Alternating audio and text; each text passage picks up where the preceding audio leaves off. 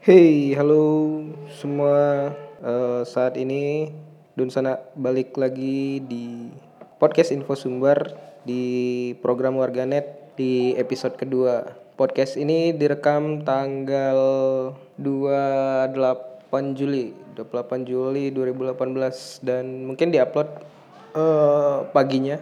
Dan saat ini teman-teman tim Info Sumber lain sedang mengambil foto di luar Vikofi uh, ngambil foto gerhana yang terjadi malam ini dan di pembahasan kali ini kita akan membahas uh, seputar uh, hoax atau fake news atau berita bohong dan ini ada kaitannya juga sih dengan gerhana yang terjadi sekarang di mana kalau terjadi peristiwa alam seperti ini kayak gerhana, gempa bumi, banjir dan yang lain-lain itu biasanya selalu ada uh, hoax atau fake news. Uh, kalau gerhana itu biasanya uh, fake news yang sering beredar itu adalah tentang sinar kosmik. Jadi kayak uh, hoaxnya itu nyuruh kita mematikan handphone dari jam sekian sampai jam sekian karena ada sinar uh, apa gitu sinar kosmik yang melintasi bumi bla bla bla dan mengakibatkan kematian gitu-gitu. Dan um, hal yang kayak gini sebenarnya selalu terulang, terulang, terulang dan terulang. Selalu terjadi entah kenapa selalu ada orang yang percaya dengan info-info palsu seperti ini. Setiap ada gerhana selalu terjadi, selalu ada peristiwa. Setiap ada peristiwa alam yang berhubungan dengan astronomi, pasti uh, hoax tentang sinar kosmik ini selalu keluar. Uh, kemudian juga ketika gerhana biasanya juga selalu dikaitkan dengan hoax-hoax yang berbau-bau kiamat, ilmu-ilmu cocokologi semacam itu juga banyak beredar dan di-share di berbagai platform sosial media. Uh, sangat menyedihkan sih sebenarnya masih banyak orang yang uh, percaya dengan berita-berita palsu dan tidak jelas seperti ini. Ngomong-ngomong soal hoax, uh, sebenarnya ini udah jadi masalah dan momok di mana-mana di tidak hanya di Indonesia tapi juga di berbagai belahan dunia di Brazil dan India juga hoax juga menciptakan masalah yang sangat serius bagi lingkungan masyarakat.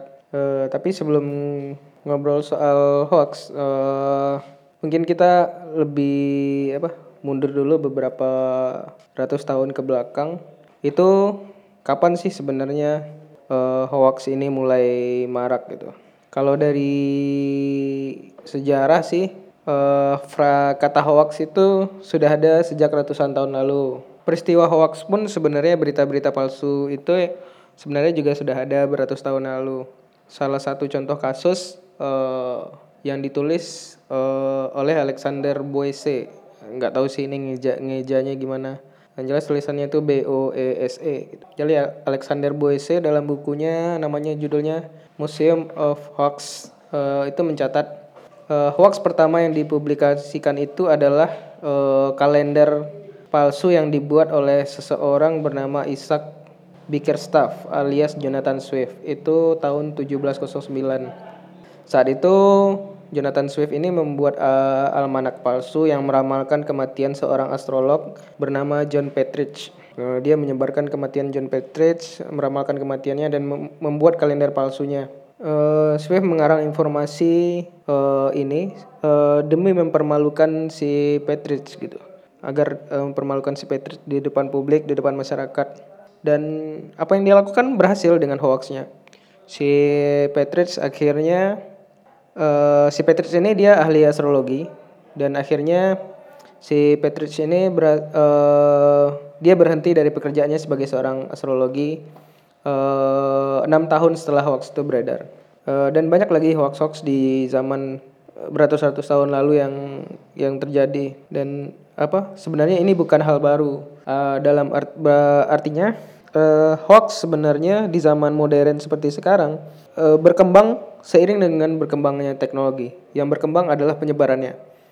Uh, artinya uh, hoax ini penyebarannya semakin mudah karena uh, penyebaran informasi melalui teknologi semakin gampang gitu. Ada berbagai macam sosial media, ada WhatsApp, aplikasi pesan instan yang menjamur banyaknya dan ini sudah terjadi beratus uh, kalau teman-teman ingat itu tahun mungkin ini generasi-generasi tahun 90-an mungkin kalau ada teman-teman dulu mendengar hoax tentang adanya uh, nomor telepon merah kalau nggak salah. Waktu waktu itu di zaman saya sih waktu itu awal-awal punya handphone, handphone lagi marak-maraknya yaitu jangan terima telepon dari nomor ini nih, nanti layar HP-nya menjadi merah. Terus ketika kita angkat kita akan meninggal. Uh, waktu itu lagi tren handphone infrared kalau nggak salah. Jadi infrared bocor apa segala macam itu hoaxnya gitu. Dan itu juga menciptakan keresahan dulu awal-awal adanya handphone. Dan itu adalah bukti bahwa fake news atau hoax itu sebenarnya terjadi sudah sangat lama. Sebelum ada teknologi seperti sekarang, mereka sudah menjamur gitu. Kemudian uh, kecepatan sharing di sosial media, kecepatan informasi itu mem sangat membantu. Bahkan Presiden Obama itu mengatakan bahwa sangat sulit membedakan uh, antara berita yang benar-benar fakta dan berita yang hoax. Saking canggihnya hoax itu sekarang sudah sangat susah dibedakan mana yang benar dan mana yang hoax. Uh, artinya si pembuat hoax itu eh, semakin lama semakin pintar. Kemudian juga sekarang kan gampang banget bikin website, bikin situs itu gampang banget. Jadi kayak orang tuh bikin portal berita hoax itu jadi jadi lebih mudah. Uh, kemudian uh, adanya juga jejak digital yang tertinggal di di internet juga menyulitkan uh, untuk menghilangkan informasi hoax gitu. Itu juga mempersulit. Kemudian uh, masalah apa sih yang sebenarnya ditimbulkan oleh hoax ini?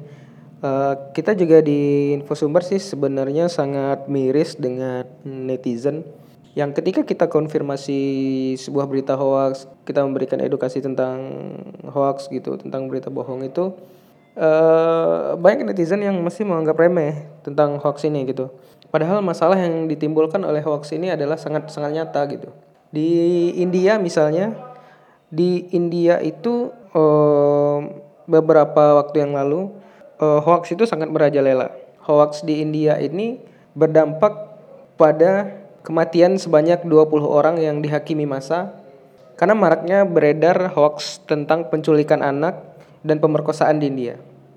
Jadi kalau di India itu informasi hoax tentang oh ada penculikan anak sini ciri-ciri pelakunya bla bla bla gitu. Ada uh, pemerkosa nih uh, pelaku pencabulan ciri-cirinya begini-begini ya. Hoaxnya yang kayak kayak gitu. Nah, ini marak di India dan celakanya masyarakatnya uh, main hakim sendiri tanpa menyelidiki apakah orang ini benar pelaku atau tidak gitu. Sampai akhirnya sebanyak 20 lebih orang itu menjadi korban uh, kekerasan oleh yang dilakukan oleh masyarakat main hakim sendiri yang dilakukan oleh masyarakat dan sampai uh, Kementerian Kominfonya India itu uh, memberi peringatan keras kepada Facebook sebagai orang yang bertanggung jawab terhadap platform WhatsApp. Kemudian uh, Facebook pihak Facebook melalui WhatsApp juga merespon uh, permintaan pemerintah India ini untuk menangani kasus hoax yang ada di negara India. Uh, responnya baru-baru ini uh, WhatsApp di khusus negara India itu di ada pembaruan.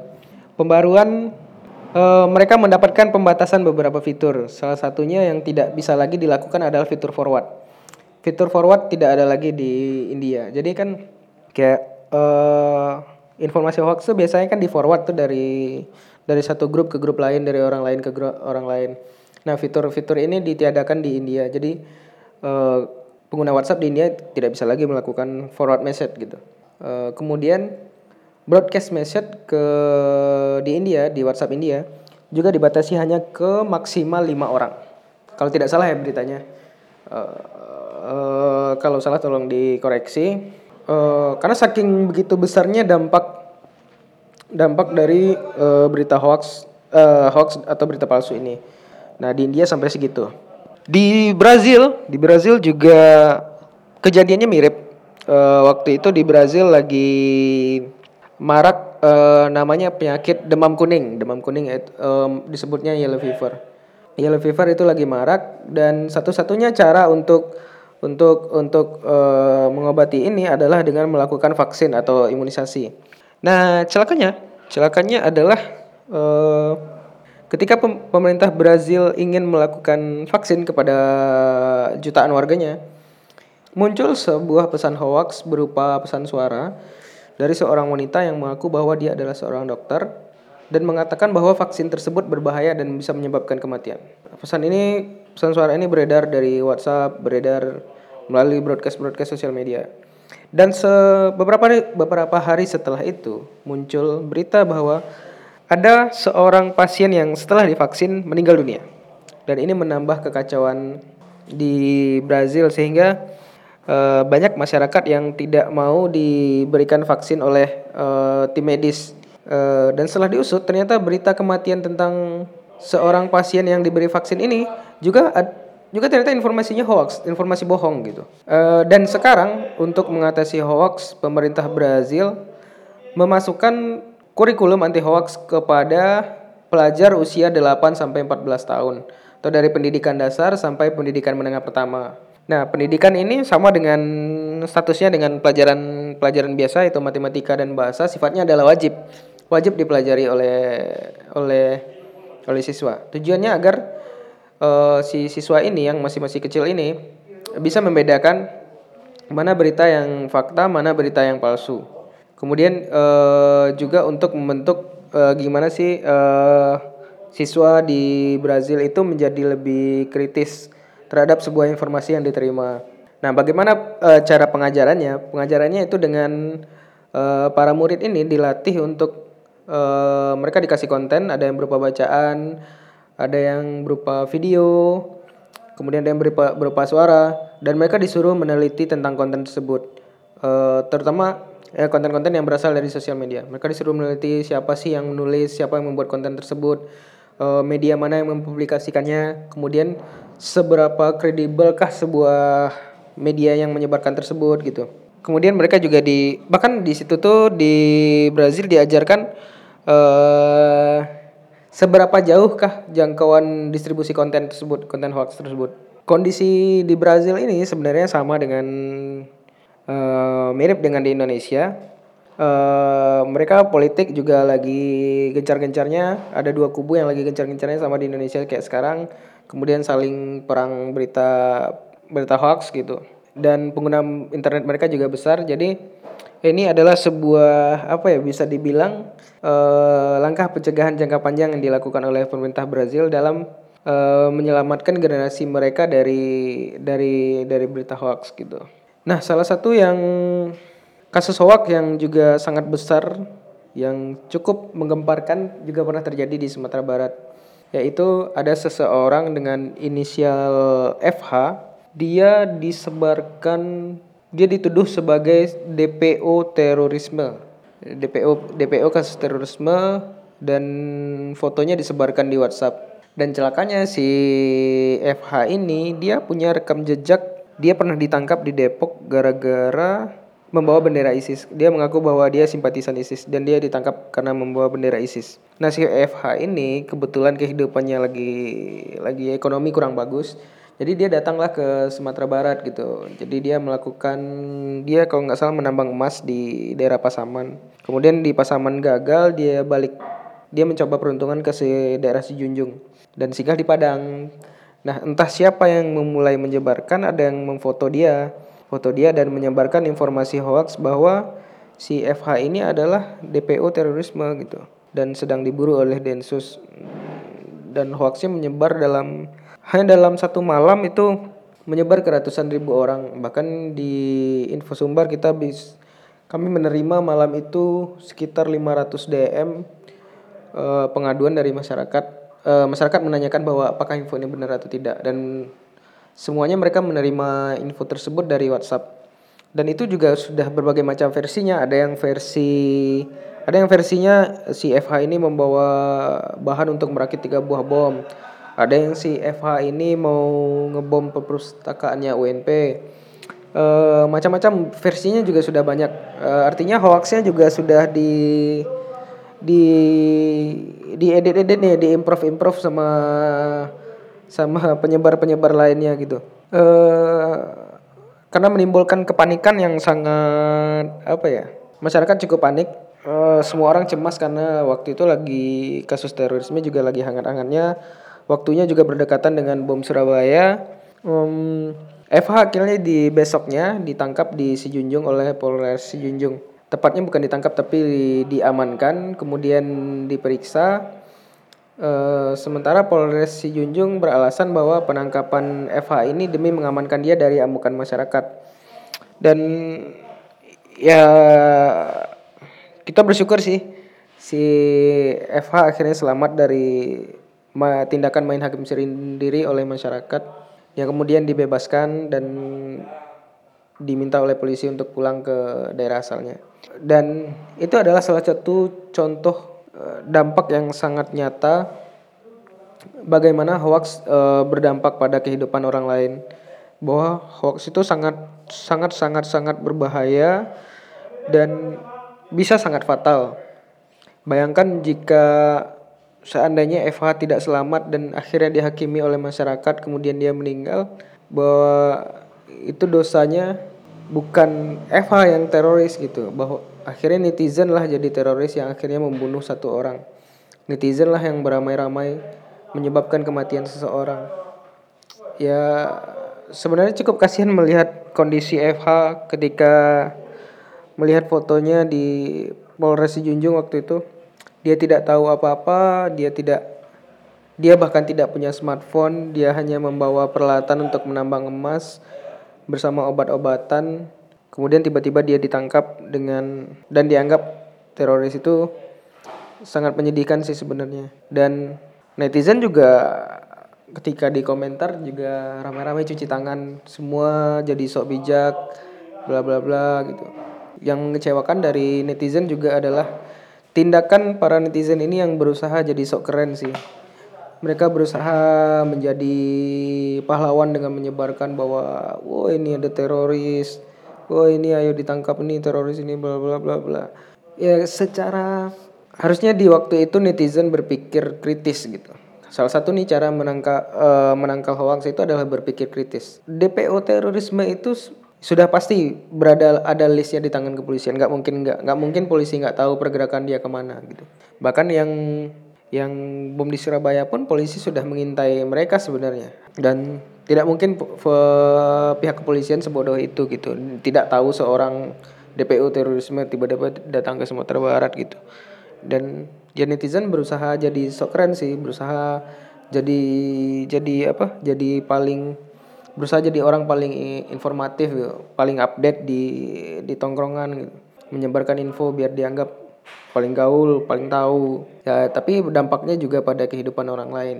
Nah buat uh, semua teman-teman yang mendengarkan podcast ini, podcast warganet episode 2 ini, uh, dari kami mungkin uh, cara untuk menanggapi hoax uh, ada beberapa tips. Uh, pertama, ketika menerima informasi, pastikan uh, sumbernya. Apakah sumbernya dari situs yang terpercaya, situs berita yang terpercaya, dari jurnalis yang kredibel atau dari situs yang tidak jelas alamatnya, tidak jelas siapa penulisnya, tidak jelas siapa yang dibalik itu, pastikan. Kemudian jangan asal share ketika tidak pasti. Langkah kedua adalah bertanya kepada orang yang mengerti. Gitu. Kadang-kadang nih uh, netizen kelemahannya adalah uh, banyak yang berusaha terlihat paling tahu gitu di tongkrongannya. Wah, gue paling tahu nih infonya gue dapat duluan gitu.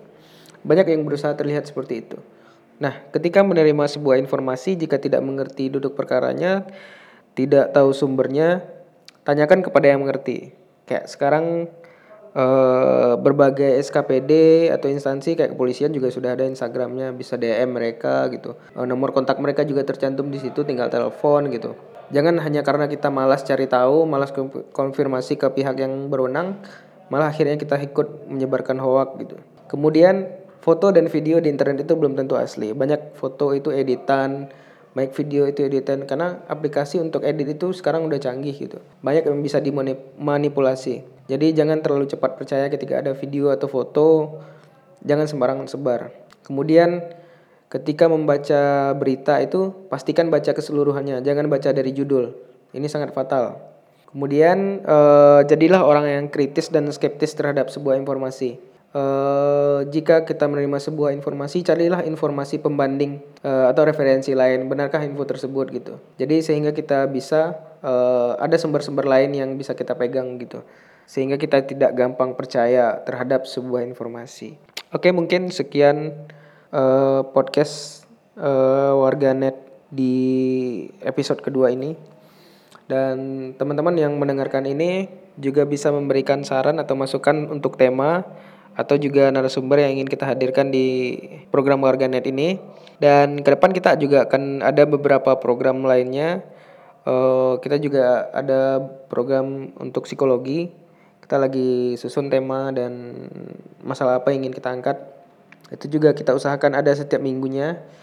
Um, mungkin sekian yang bisa disampaikan yaitu kritik dan saran komentar bisa di SoundCloud, bisa di komen, bisa di DM di Instagram dan tetap jadi netizen yang baik. Uh, Assalamualaikum warahmatullahi wabarakatuh.